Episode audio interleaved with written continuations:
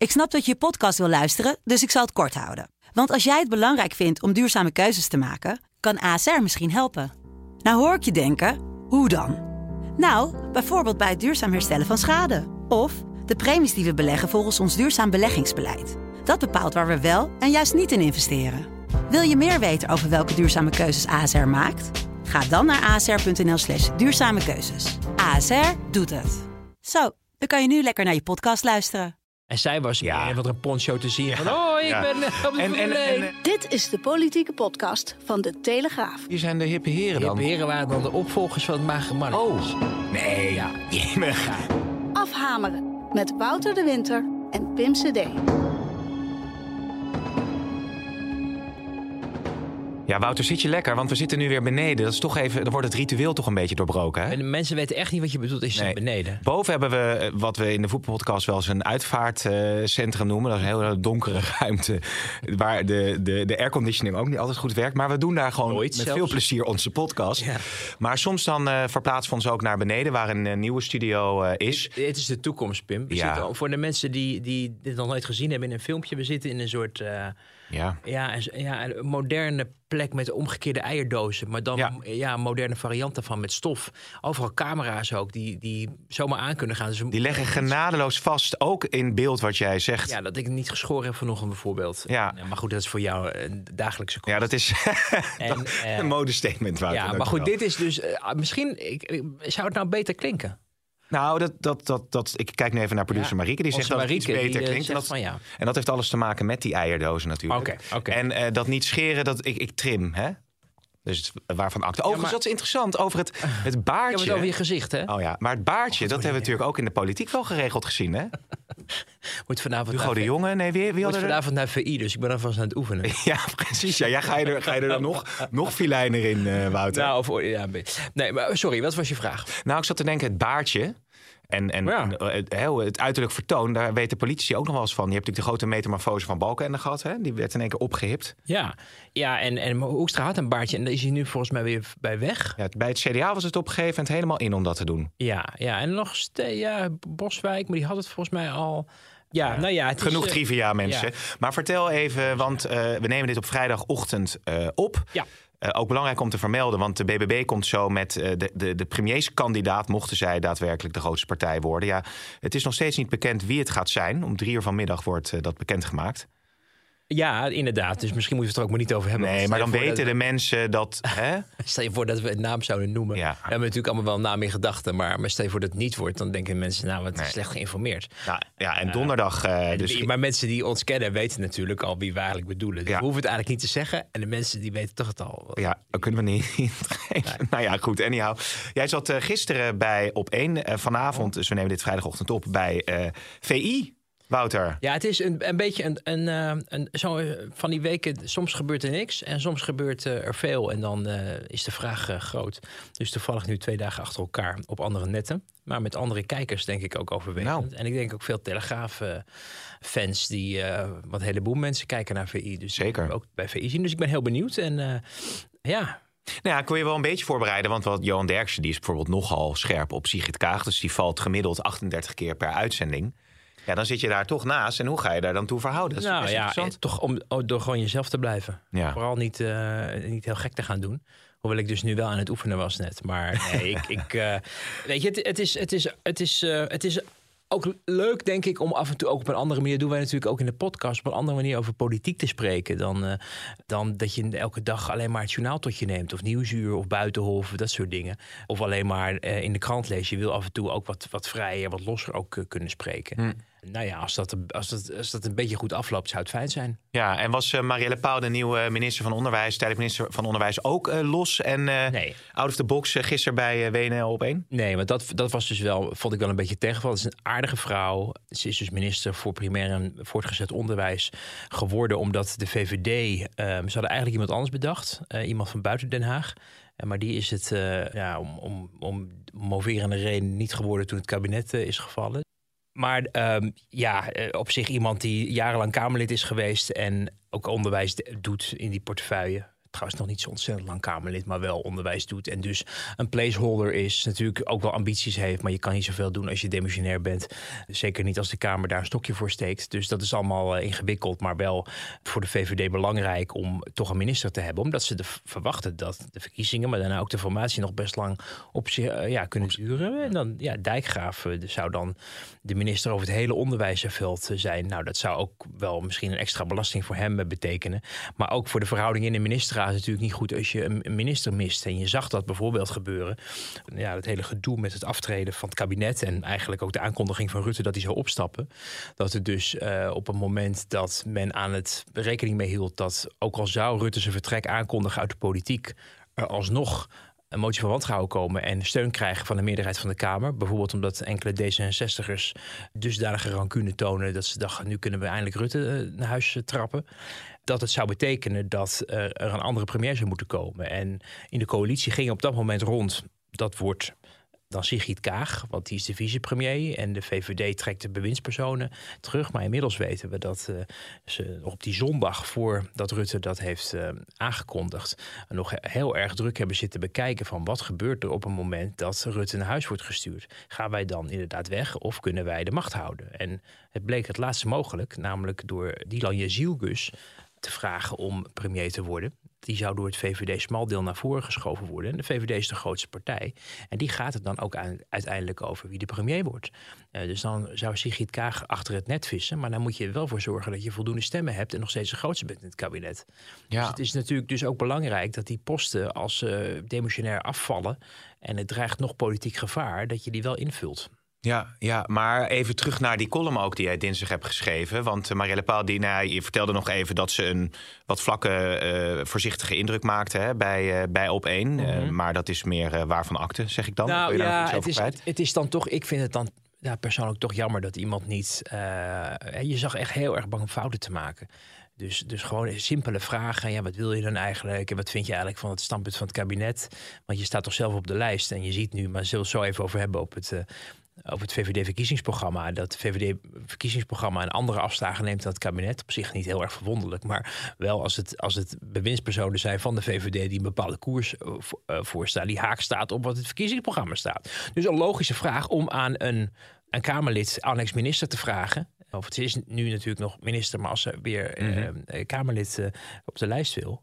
Ja, dan is het logisch om te vragen: ja, waar staat u nou eigenlijk? Ja. Dat is iets wat in elke demissionaire fase gebeurt. Uh, maar die vraag kon je zien aankomen. En daar moet je wel een goed antwoord op hebben. En wat zei ze? Ja, dat was allemaal, het waren allemaal twee gescheiden. Het was eigenlijk een beetje abracadabra en niet heel duidelijk. nee. Ook de vraag: ja, wilt u door als minister voor Onderwijs? Als de verkiezingen geweest zijn en er komt een nieuw kabinet. Ja, dat vond ze ook allemaal ingewikkeld. Ja.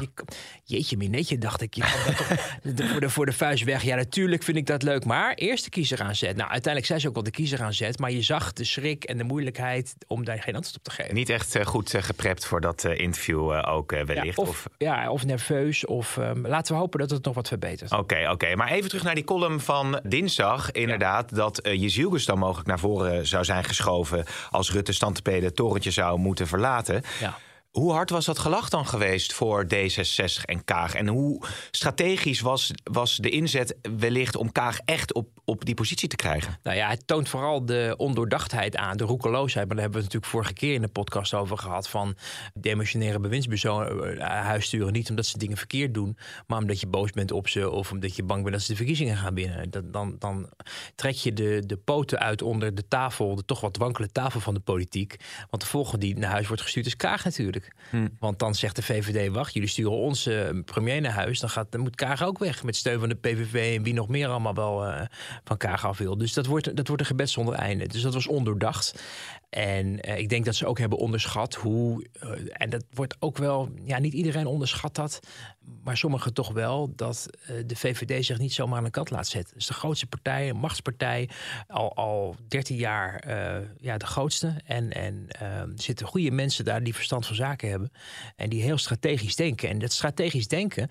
Dat mis je bij een aantal partijen, vind ik, op dit moment. Ook bij D66. Hè, die hadden de magere mannetjes.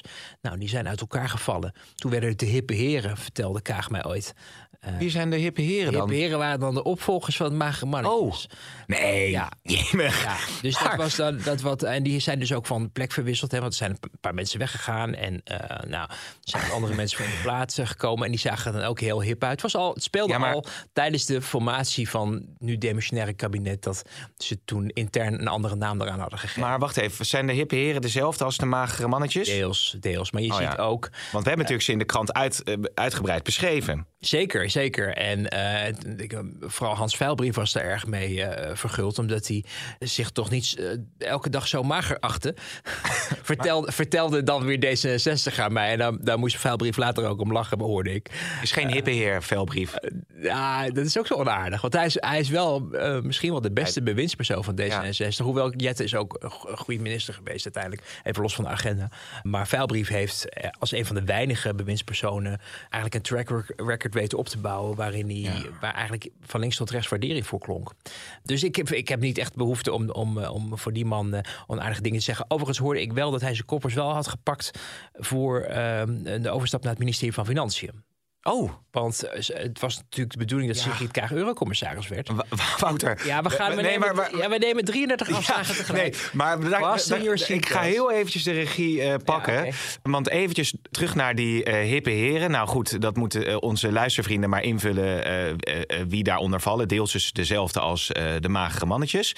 Ehm, het ging Ze moeten het eerst ver- verkloten voordat we ze helemaal, denk ik, moeten be- bespreken. Vind nou je niet? dat die lage mannetjes, dat was met de drankroddel. En dat was echt, ja, toen, ja, toen was er een, een beweging gaande waarvan je dacht, eh, hè, dat was, waren ze ook heel boos over destijds dat het allemaal, eh, die mensen ook eh, hadden omschreven. Maar ja, het was natuurlijk, ja, was op dat moment wel echt nodig. Want je zag Ja. dat Kaag geen enkele controle meer had over de eigen tent. Maar je had het over die strategie, hè? De- dus je zei, de VVD valt niet te onderschatten als het gaat over hun strategische blik. En Ja. ook het feit dat het de grootste partij is. Nou, dan was Jezielgus misschien al in een zetel richting de verkiezingen gegaan... als ze daadwerkelijk tijdelijk premier had kunnen zijn. Ja, in Torentje, ja. Eh, maar ehm, je zei, nou, bij andere partijen mist dat strategische inzicht Ja. een beetje. En toen hadden we het over D66 en die eh, hippe heren. En, Ja. en toen gingen we even wat zijsporen in. Maar, maar waar blijkt dat dan uit? Want ik zag jou ook eh, iets tweeten of zeggen over het feit dat Jezielgus werd aangevallen. Ja. Die bij Zembla iets vertelt over het feit dat journalisten, et cetera, bedreigd worden.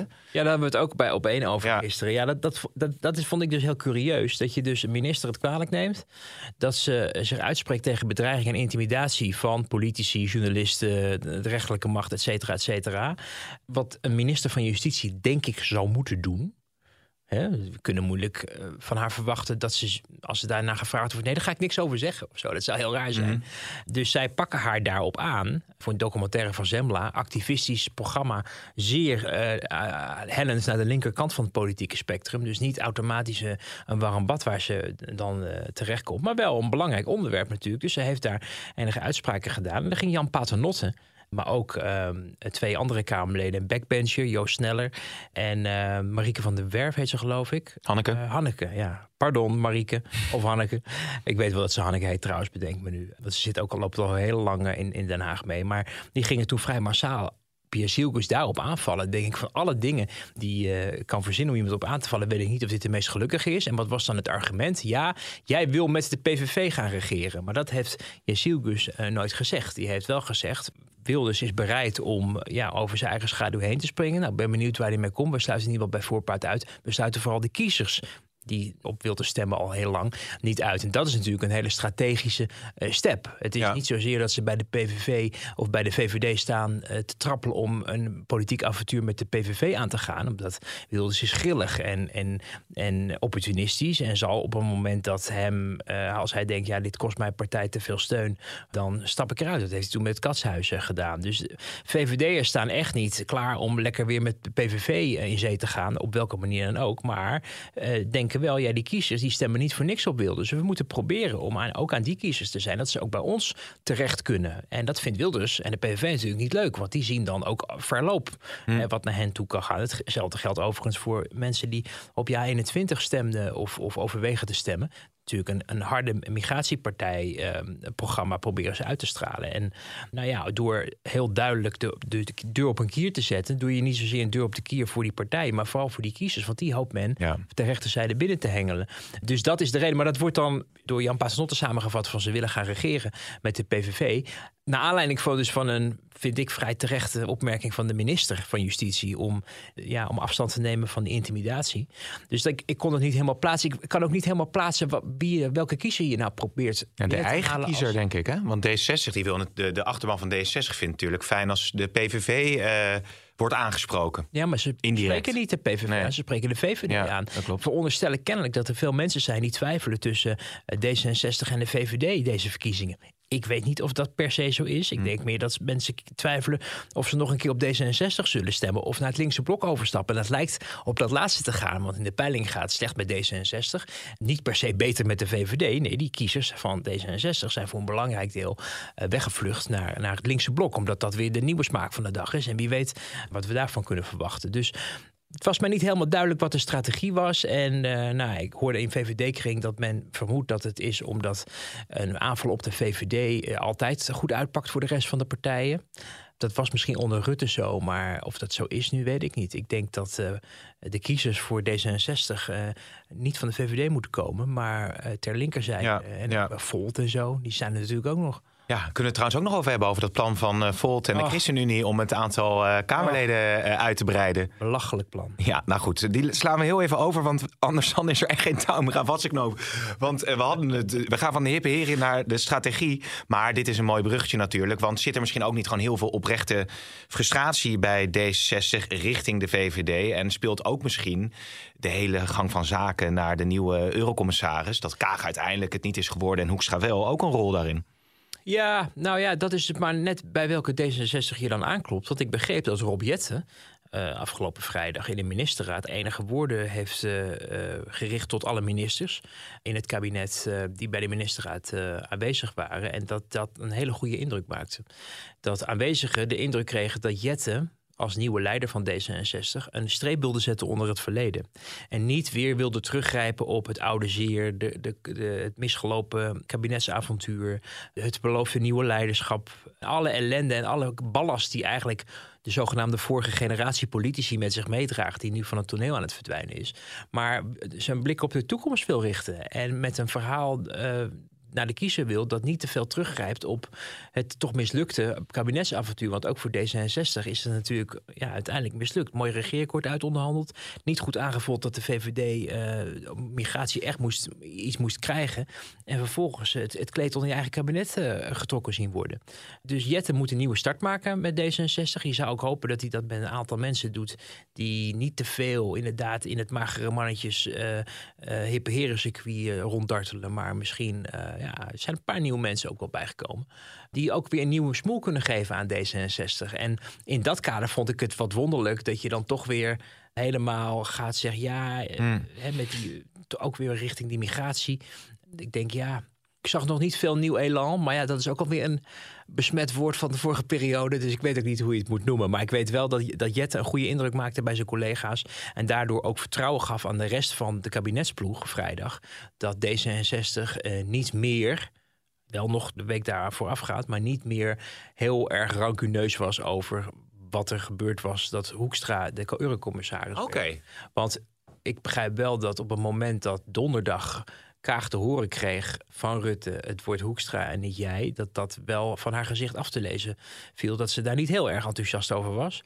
En dat snap je ook wel, want de hele baantjescarousel stond al klaar. Hè? De overstap van de vuilbrief naar Financiën... en ook de escape van eh, Kaag naar eh, ja, uit toch de Haagse slangenkuil... waar ze zich nooit echt thuis heeft gevoeld.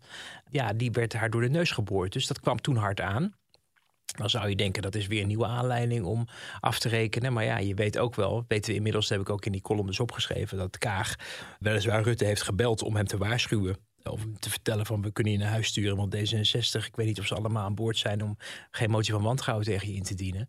Maar wel Rutte op het hart zou hebben gedrukt in een telefoongesprek eh, later in juli. Dat zij er tegen was. En zij heeft geprobeerd om D66-Kamerleden daarvoor te behoeden.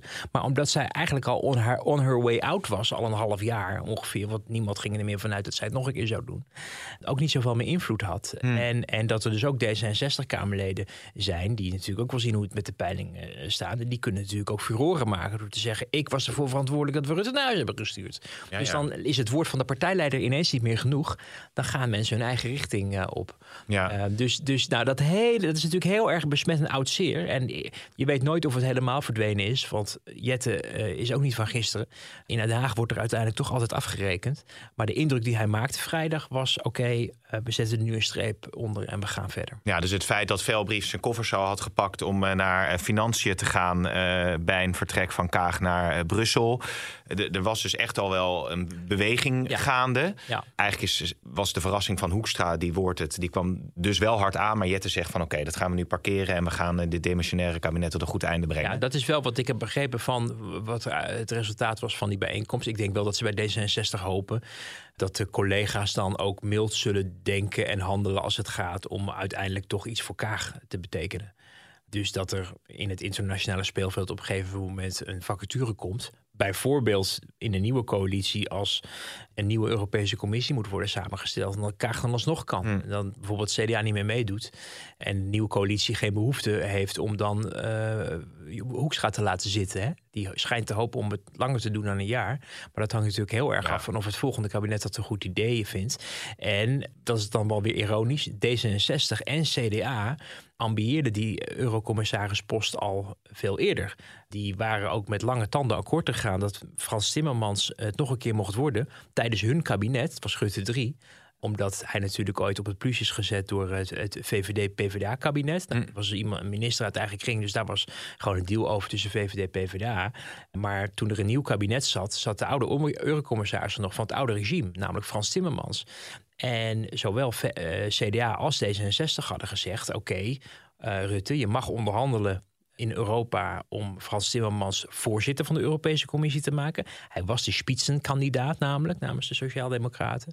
Maar als dat niet lukt, dan willen wij ook nog wel misschien iemand naar voren schuiven. En dan is het helemaal geen uitgemaakte zaak dat Frans Timmermans dat wordt. Ja. Nou, uiteindelijk kwam Rutte terug, toen was hij vicevoorzitter geworden. Dus die VVD eh, of CDA en D66 zeggen, ja, dat hadden we niet afgesproken. Nee. Ja, toen zei Rutte ook weer van, ja, maar hij was wel de spitsenkandidaat. Ja, dus kandidaat voor, voor de functie die Van der Leyen uiteindelijk heeft eh, gekregen binnen de Europese Commissie. De spitsenkandidaat. Nee, de spitsenkandidaat is de leider van het blok. Oh, op die manier, ja. Of het Christen-Democratisch blok, Sociaal-Democratische blok. Hij was, je had toen bij de, dat heb je deze keer niet meer, want Macron wil het niet. En dus gebeurt het niet kennelijk. Ja, Europa. Hè.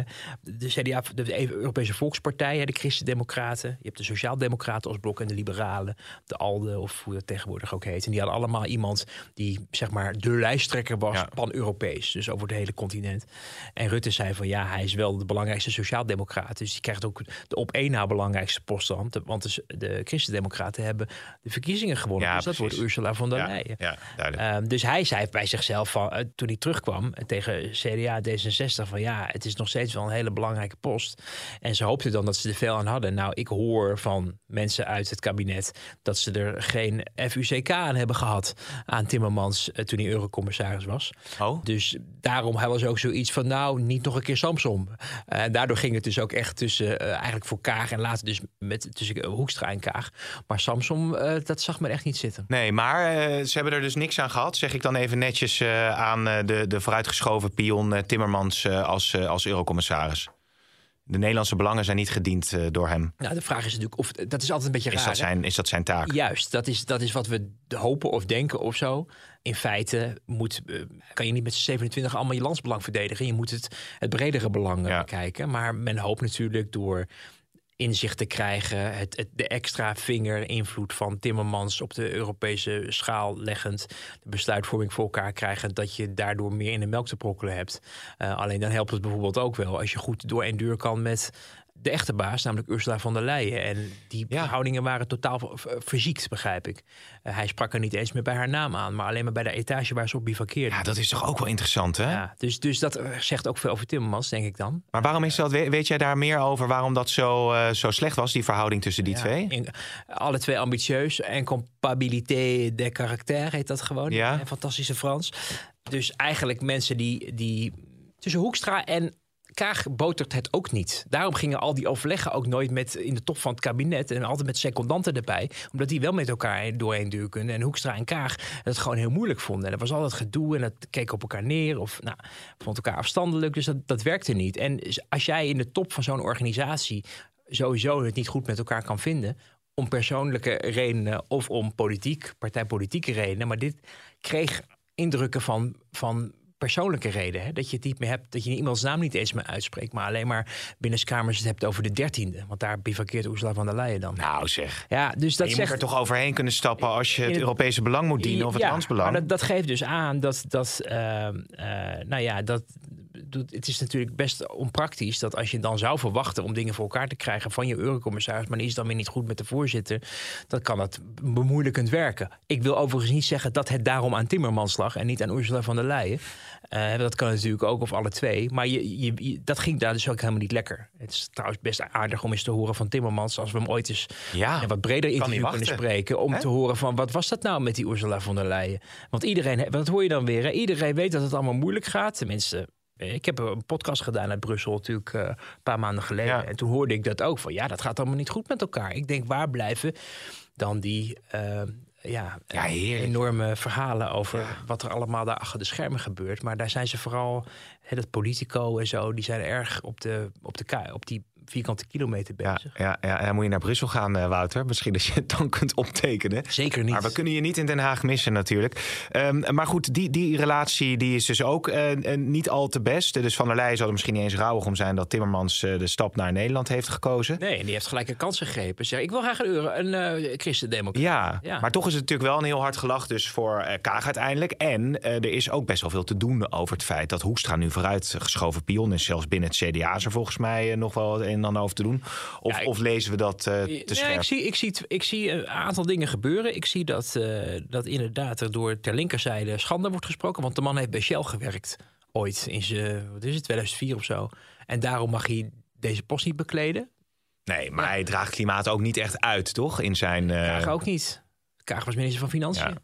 Dus ik denk dat ze qua, ik bedoel, zij heeft meer diplomatieke ervaringen, maar qua statuur, het zijn alle twee vicepremiers. Dus als je het zo bekijkt, en men wil altijd graag dat die eurocommissarissen allemaal uh, houten toten zijn. Dus dan heeft Hoekstra meer kans dan Estelle Lange, die dan weliswaar heel thuis is in het Europese vlak, maar dan niet Hmm. uh, vicepremier. Het cv van Hoekstra is natuurlijk, of je het nou eens bent met hem of niet, of hem nou goed vindt of niet, maar het cv ziet er op papier Ja. en natuurlijk behoorlijk goed uit wat hij heeft gedaan. Dus, dus je ziet dat er een soort idee was van ja, het is een sociaal-democratische post, wat ook niet zo is. Hè. Het is een Nederlandse post, dus het kabinet bepaalt uiteindelijk wie er naartoe wordt gestuurd. En niet, eh, dat is op basis van de ja, politieke realiteit op dat moment. Of een groter landsbelang, zoals Rutte heeft gemeend toen hij Timmermans eh, continueerde. Nadat ze eh, termijn was verlopen die die in Rutte 2 had gekregen. Ja, die vliegen gaat niet op. En je weet dat klimaatdossier is een Europees politiek gevoelig dossier. Dus daar vecht men elkaar graag de tent over uit tussen sociaaldemocraten en uh, christendemocraten. En nou ja, het, het, zou praktischer zijn voor Ursula von der Leyen om daar een, een partijgenoot ja. te hebben zitten. Hoewel er ook nog wel sprake was dat het op een andere manier zou kunnen zijn gegaan als er niet, als er niet ook nog meer mensen vertrokken waren. Want dan krijg je ook in die commissie een soort tombola. En dan worden er toch wat geschoven met ja, partijpolitieke achtergronden, kandidaten. Iemand uit Denemarken zou bijvoorbeeld uh, uh, vertrekken. Nou, dat hoorde ik uh, vorige week ook, dat dat ook nog wel onderdeel was van het spel. Maar uiteindelijk bleek dat niet door te gaan. En dan was de keuze hmm. snel gemaakt. En dat was dan voor een christendemocraat. Dus dat is die achtergrond. En vervolgens heb je inderdaad de reacties in. Nou, ter linkerzijde hebben we net gehad. Ik denk in het land wat breder. Het CDA natuurlijk. Mensen die het idee hebben van ja, hij was geen goede partijleider. Dus waarom wordt hij beloond? Dat is een sentiment wat je niet alleen bij het CDA hoort, maar ik denk wel breder. Mensen hebben het idee van de man heeft er eigenlijk niet zoveel van gebakken. En hij krijgt nu een fantastische baan. Overigens maar voor een jaar. Ja. Maar goed, hij krijgt een way out. Uh, terwijl hij eigenlijk uh, op een, een eiland in de Stille Oceaan zou moeten bivakeren de rest van zijn politieke leven. Zo'n gevoel was er een beetje ontstaan. En het viel daarbij op inderdaad dat dat ook in het CDA klonk. En dat uh, is exemplarisch ook voor de staat van het CDA.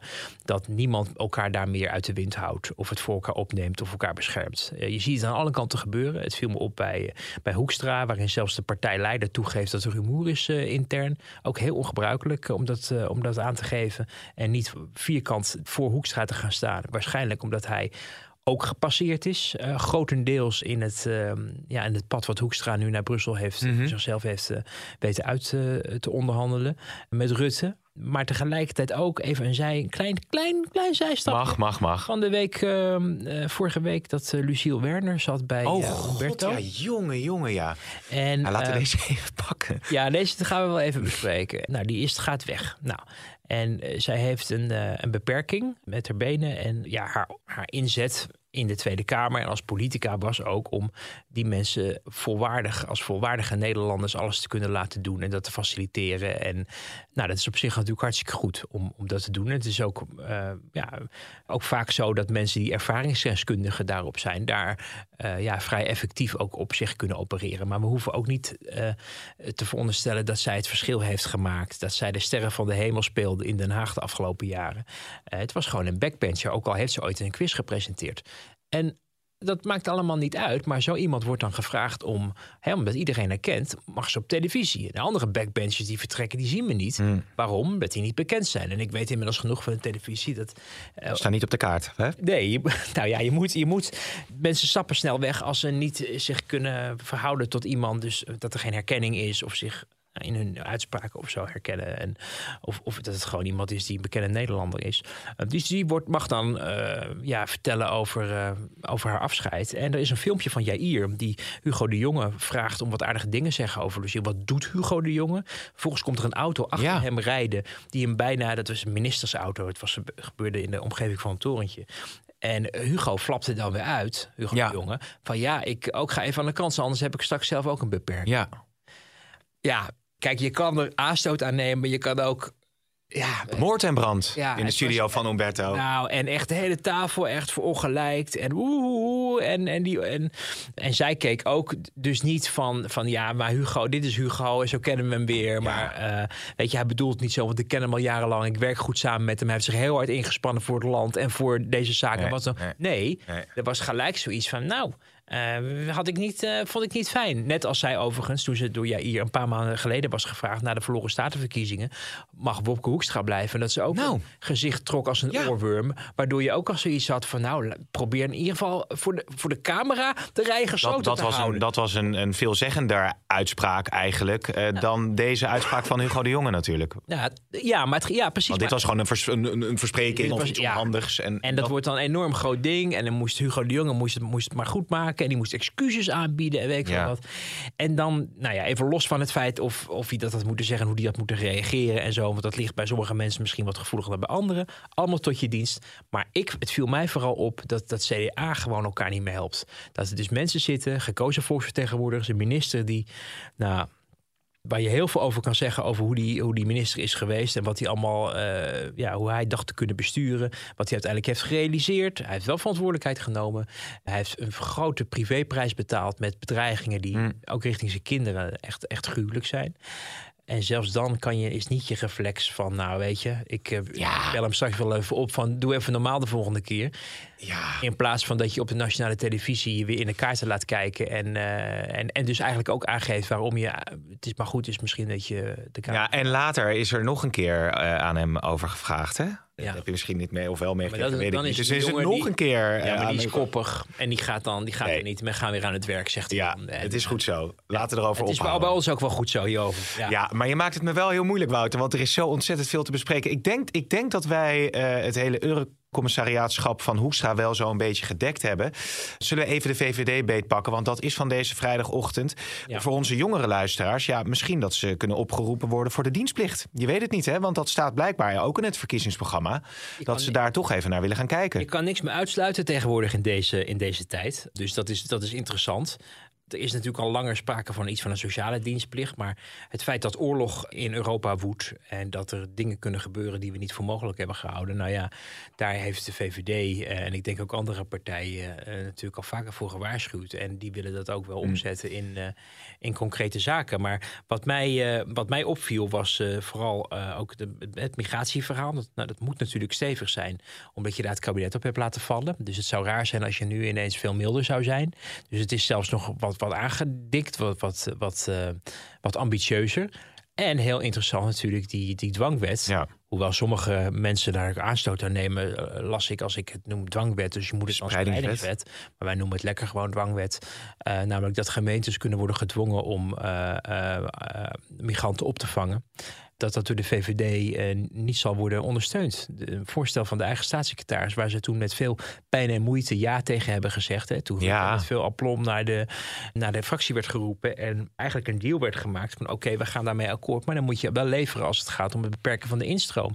Nou, er is niet geleverd op het beperken van de instroom en daarom voelt de VVD zich vrij om dan dus ook niet dat wetsvoorstel te steunen. Maar het pijnlijke is dat eh, Bart, eh, Bart eh, Erik van der, van der zijn, je hebt Bart, Bart van der Brink en Erik van den Burg, Burg. En dat, nou ja, dat, Bart van Brink is Kamerlid voor het CDA. Erik van den Burg is een staatssecretaris voor de VVD. eh, dus vandaar de spraakverwarring. En Erik van den Burg die, die wilde dat wel. Want die, die ja, heeft niet zoveel te schaften met wat de VVD-verkiezingsprogramma's allemaal voorschrijven. Zou je zeggen. Die moet een acuut probleem oplossen. Die Ja. denkt, dat kan alleen maar op deze manier.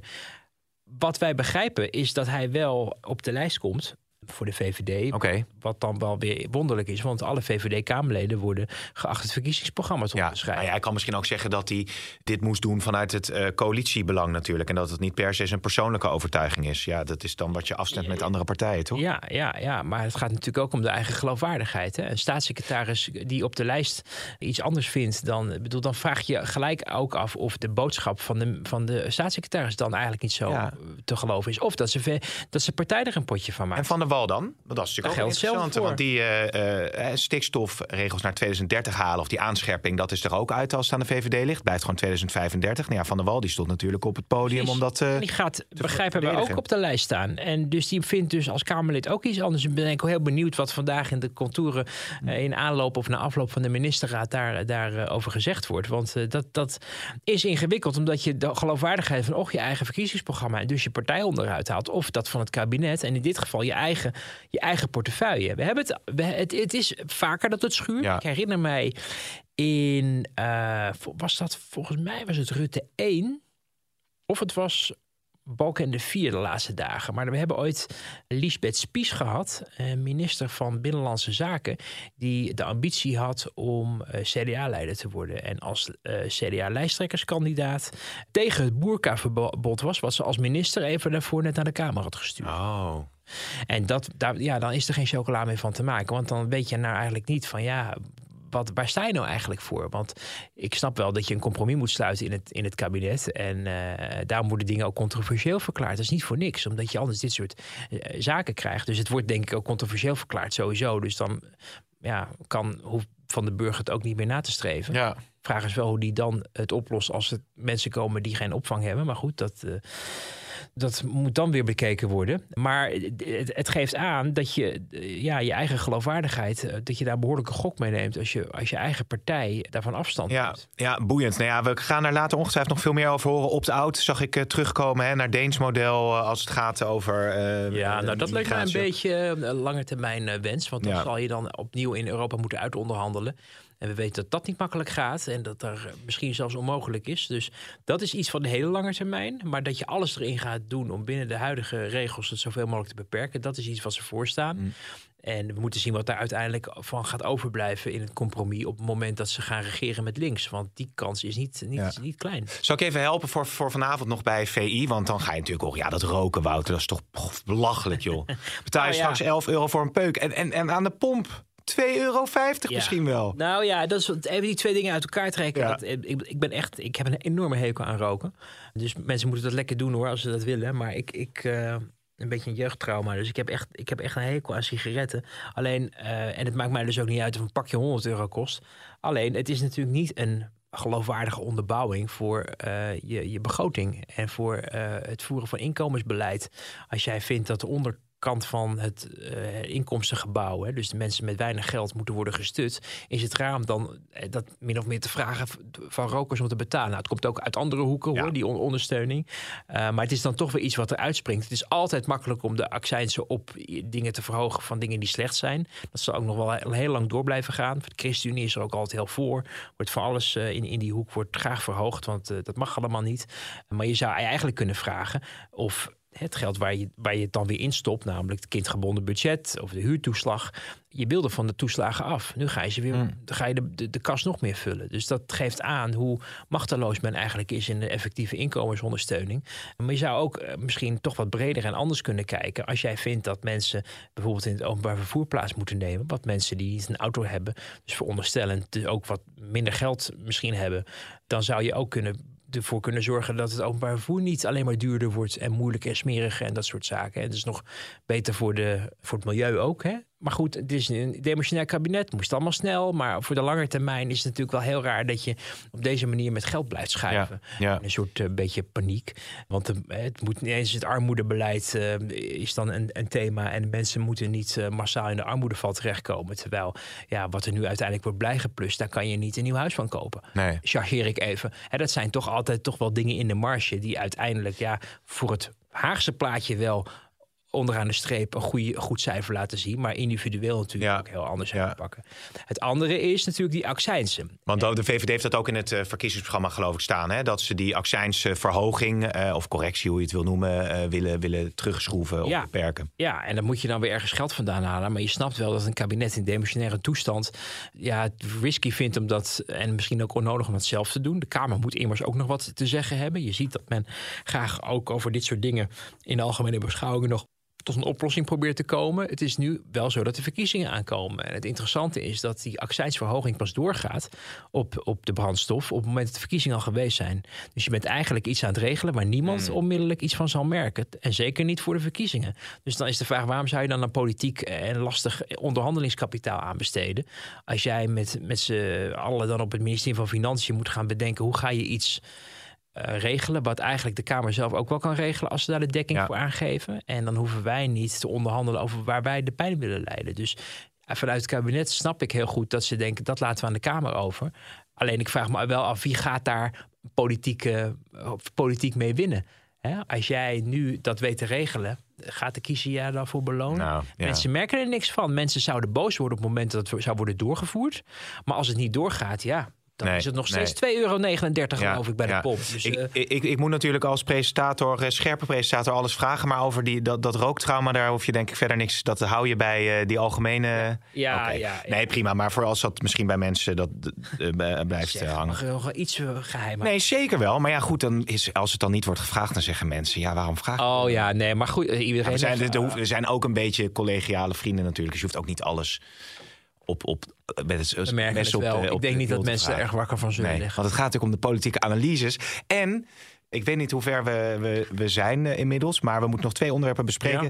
Want Rutte komen we zo nog even op. En eh, die volgende week eh, gehoord gaat worden. Ja. Maar toch even Ja 21. Want zaterdag wordt ook de kandidatenlijst en partijprogramma van Ja 21 bekendgemaakt. Eertmans zat deze week ook nog bij Umberto. En dat was naar aanleiding van toch wel.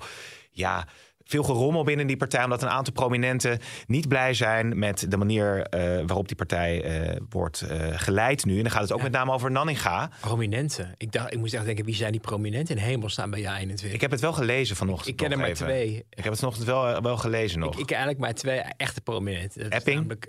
Nee, nou, dat is ook niet echt... Ja, prominent, prominent. Er zijn eigenlijk maar echte twee... Nanninga en Eertmans. Nanninga en Eertmans. het heet ook Ja 21. Ja. Dus dat mensen ineens erachter komen dat Nanninga ook eh, misschien iets wil gaan doen. En dat misschien het reden is waarom er ook nog wel wat zetels zijn binnengekomen of stemmen of wat dan ook. Of mensen geïnteresseerd zijn. Ook misschien wel komt omdat eh Nanninga als boegbeeld in de Amsterdamse gemeente gaat. Maar ook wel zijdelings ook in de Senaat zich heeft laten gelden. En je ook wel van mensen hoort dat zij ja, toch wel iemand is die... eh, ja, eh, haar mondje goed kan roeren, zeg maar. Dan zou je ook kunnen denken van, nou ja, misschien doet hij het zelfs nog wat beter straks dan, dan meneer Epping in de. Ja, maar het is nooit fijn als er rumoer is binnen Nee. een partij.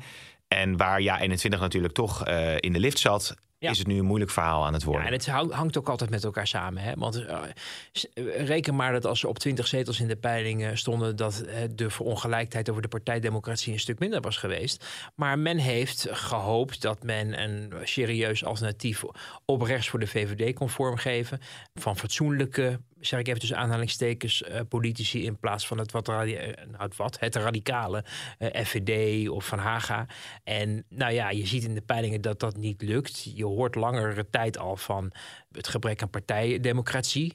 Dat hangt volgens mij ook voor een deel samen omdat men de boedel natuurlijk van FVD heeft geërfd, ook in de Senaat destijds. Allemaal mensen die op het, op het mm. FVD-ticket er binnen zijn gegaan, maar ook daar wel bepaalde standpunten daarom onderschreven, die niet automatisch dezelfde standpunten op termijn of op korte of lange termijn van ja 21 zouden zijn. Dus dat daar wrijving tussen ontstaat is denk ik niet heel erg uh, gek. Dan is het op een gegeven moment inderdaad wel tijd uh, om afscheid te nemen en om uh, het kaf van het koren te scheiden. En dat gaat dan ja, niet makkelijk, want die mensen die zijn bang dat dan hun reputatie te gabbel wordt gegooid. Dus die proberen zoveel mogelijk afstand te nemen van wat er overblijft. En daar geven daar ook statements over uit. En het gaat ook over de coronacrisis, de manier waarop je je verhoudt tot wat nou wel en niet destijds mm gelegitimeerd was of in de toekomst. Maar wat, wat ook nog een rol speelt, um, dat het tussen Joost Eermans en Annemel Lanninga ook niet één grote gezelligheid is. Oh. Hebben wij gemerkt de afgelopen jaren. En dat, dat maakt het ook wel kwetsbaar. Je hoort daar nu, eh, ja, je ziet Nanninga, die was geloof ik naar, was ze naar eh, de Formule 1 of zo? Uh, nou, dat, zou, dat, dat denk ik wel dat hij zoiets voorbij heeft gegaan. Maar wie was er niet bij de Formule 1? Dus wat dat betreft, uh, ja, ik niet. Maar. Nee, ik ook niet. Maar het was één grote vrolijkheid. En, en Joost Eermans, die deed het bij Umberto. Uh, die zat daar natuurlijk verantwoording af te leggen. Maar goed, het is, het is een, niet een heel erg groot geheim in Den Haag... dat Joost Eermans en Annabel Nanninga ook wel van mening kunnen verschillen. Dat zag je ook wel in het stemgedrag van de beide richtingen. Zelfs binnen de fractie van Ja 21 toen met die motie van wantrouwen tegen Hugo de Jonge... waar een deel van de fractie wel voor zat en Joost Eermans dan weer niet. Dus het rommelt daar al een tijdje. Maar een partij die eh, net is opgericht, en daarom ben ik er toch iets milder over dan, nou ja, misschien Maart van Rossum. Ja, ja, dat is natuurlijk ook vaak uit partijpolitieke motivatie of eigen stemgedrag eh, gemotiveerd. Maar nieuwe partijen is altijd gezuur en gezeik en narigheid. Uh, toen de Dierenpartij begon, weet je nog hoe, hoe uh, Marianne Thieme Esther Ouwehand eruit wilde willen? Ja. En hoe de, hoe, de, hoe de deuren van de, het congres dichtbleven. Want journalisten mochten niet naar binnen, ja. mochten het allemaal niet aanschouwen. We hebben bij FVD hebben we het gezien. Bij één hebben we het gezien. Denk hebben we het gezien. Men vecht elkaar de tent uit, verdwijnt. Usturk horen we nooit meer wat van. Overal, nieuwe partij is altijd gezeik. Omdat er ego's zijn, omdat er en ook vaak een gezamenlijke ideologie ontbreekt. En historie, hè, zoals je bij de grote partijen die lang meegaan vaak wel zag. Daarom is het zo bijzonder dat het bij het CDA dus nu wegvalt. Waar men elkaar het grotere belang, namelijk toch de partij beschermen, uit het oog verliest. Nou, dat heb je ook. Hè, denk bijvoorbeeld 50 plus. Ja, ziet het over de nou. hele linie. Dat, dat nieuwe partijen, dat dit soort dingen gebeuren. Oh, ja. En dan moeten we kijken als straks het stof is neergedaald, wat er van overblijft. En bij de concurrentie, wishful thinking, hoor je ook wel snel van nou, uh, dat wordt niks meer. Ik denk nog steeds drie zetels in de Senaat hebben ze, eh, als ik het goed heb, eh, gehaald. Dat zijn er minder dan ze hadden, omdat ze, dat waren nog FVD-zetels. Maar drie zetels maal twee, zag ik even via foute calculatie is zes Tweede Kamerzetels. Ze hebben er nu drie in de Tweede Kamer. Dus ze zijn wel Ze hebben zich toch een voet tussen de deur weten te krijgen. Ik weet niet of het stand houdt. Of ze zich nu voldoende kunnen onderscheiden met een agenda van een naar rechts opschuivende VVD. Ja. En de concurrentie van Wilders en een uh, Forum is natuurlijk nog. Maar dat er in een partij die nog niet zo lang bestaat uh, onrust uitbreekt, is op zich niet heel verrassend. Nee. En dat, ze, dat ze gaan naar de Formule 1 was, daar, daar vond jij wat van of verder niet? Nee, nee, nee. Ik, ik, nou, ik vond het bijzonder dat er een heleboel gezeik was. Uh, mensen die allemaal boos werden en zeiden van het is allemaal niet eh, democratisch en, en, en dat soort dingen. En dat overal gingen twitteren. En zij was ja. wat een poncho te zien van oh, ik ben uh, op de en, en, en, uh, en, Henk Krol, hè, dames en heren. Ja, die gaat ook toch bij BVNL nog op de lijst hè, als steden. Dus dat ik wil daar echt, zullen we dat maar gewoon laten. ja, die laten we. Dan komen we tot slot nog even bij, bij Rutte uh, aan. Want je hebt natuurlijk die, die enquête uh, fraudebeleid. Rutte is minister of staatssecretaris van Sociale Zaken geweest. Ja. En die wordt volgende week al gehoord. Ja. Hè? Nou, wat, daar hoor je dus wel. dat is natuurlijk sowieso opvallend. Hè, dat ik geloof 30 jaar gaat onderzoeken. En wat ga je doen? Je gaat beginnen met een verhoor met de staatssecretaris van Sociale Zaken, die toevallig nu de vertrekkend premier is. Goh, zou dat nou toeval zijn? Hè? Oftewel, hier is het alleen ermee begonnen. Laten we hem als eerste horen. Terwijl als je echt 30 jaar, dan gaat het wel wat verder dan het moment dat Rutte het voor het zeggen kreeg in die ik geloof twee jaar dat hij, of anderhalf jaar dat hij staatssecretaris van Sociale Zaken is geweest. Maar goed, wat ik begrijp, ook van mensen die al eh, door die commissie al in voorbereidende verhoren zijn gehoord, is dat het een vrij gepolitiseerd uh, avontuur is geworden. Dus dat daar mensen in zitten die heel uitgesproken zijn. We hebben Farid Azarkan bijvoorbeeld al tijdens uh, een debat horen roepen dat Rutte verantwoordelijk is voor institutioneel racisme. Mm. Dat leidde toen toch wel tot wat commotie ook her en der, want dat is nogal wat. Rutte was er eigenlijk heel boos over. Die voegde ook het woord in dat debat. Uh, uh, maar dat nam Farid als kan uh, niet terug. Maar mensen merken dat in die commissie de vraagstellingen duidelijk kant op gaan van het is wel belangrijk dat er wordt afgerekend.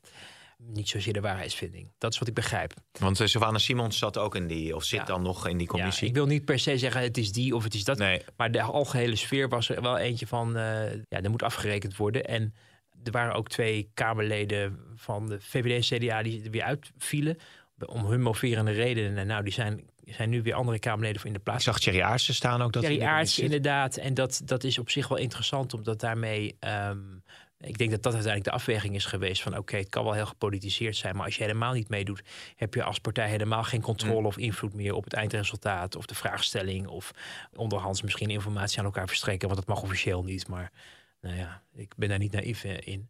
Maar dat wordt pittig en dat wordt uh, leek het tenminste, wat ik begreep van mensen die dus al enige kennis hebben van wat er achter de schermen gebeurt, werd dat niet, uh, wordt dat geen prettige verhoren. Dat hoeft ook niet hoor, want een parlementaire enquête is niet voor de gezelligheid. Nee. Maar of dat helemaal uh, zonder um, dat er ja, partijpolitiek wordt bedreven, uh, die kans werd klein geacht. Alleen, ja, de verkiezingen komen er nu aan. De verhoren zijn voor de verkiezingen. Het rapport komt na de verkiezingen. Dus misschien wordt het dan mosterd na de maaltijd. Als er straks een hele nieuwe ploeg zit van politici... en er nog wordt een rapport verschijnt waarin zeggen... ja, al die mensen die weg zijn gegaan, hadden het allemaal verkeerd ja. uh, gedaan. Ja. Maar dat betekent niet dat die, die, die, uh, die verhoren nog wel pijnlijk kunnen worden. Ja, boeiend allemaal. Hè? Ja. Ik, zit, ik zit even met mijn hoofd vol. Er is nog heel veel wat er aankomt. Volgende week gaan we gewoon weer verder. Nou, ik zat ook nog te denken om zich natuurlijk als het gaat over dat bijplussen van die, uh, uh, van die lage inkomens en zo. En met die aan die toeslagen draaien. Dat is natuurlijk echt ook een van de speerpunten van omzicht. Hè? Van moet dat niet nou, uh, geheel anders? zijn we vooral heel erg benieuwd waar die nou, hoe dat verkiezingsprogramma eruit ziet. Wie die in zijn omgeving op de lijst zet. En hoe groot de lijst wordt. Ja. En of hij überhaupt een premierskandidaat nodig heeft. Of dat hij een lijst presenteert van 10 tot 15 kandidaten. Dan weet je sowieso dat hij geen premier hoeft te leveren. Want er zal een partij zijn die meer dan 15 zetels halen. Maar ik denk dat dat uh, ja, een heel belangrijk moment wordt. En ook voor een heleboel concurrenten. Het moment dat ze een afweging gaan maken of ze nog steeds elke dag lof gaan toezwaaien. Of dat het tijd is om de electorale aanval te openen. Nou, dat wordt allemaal vervolgd, Wouter. Dankjewel en uh, succes vanavond, hè? Ja, als mensen dit horen is het toch is het al Oké.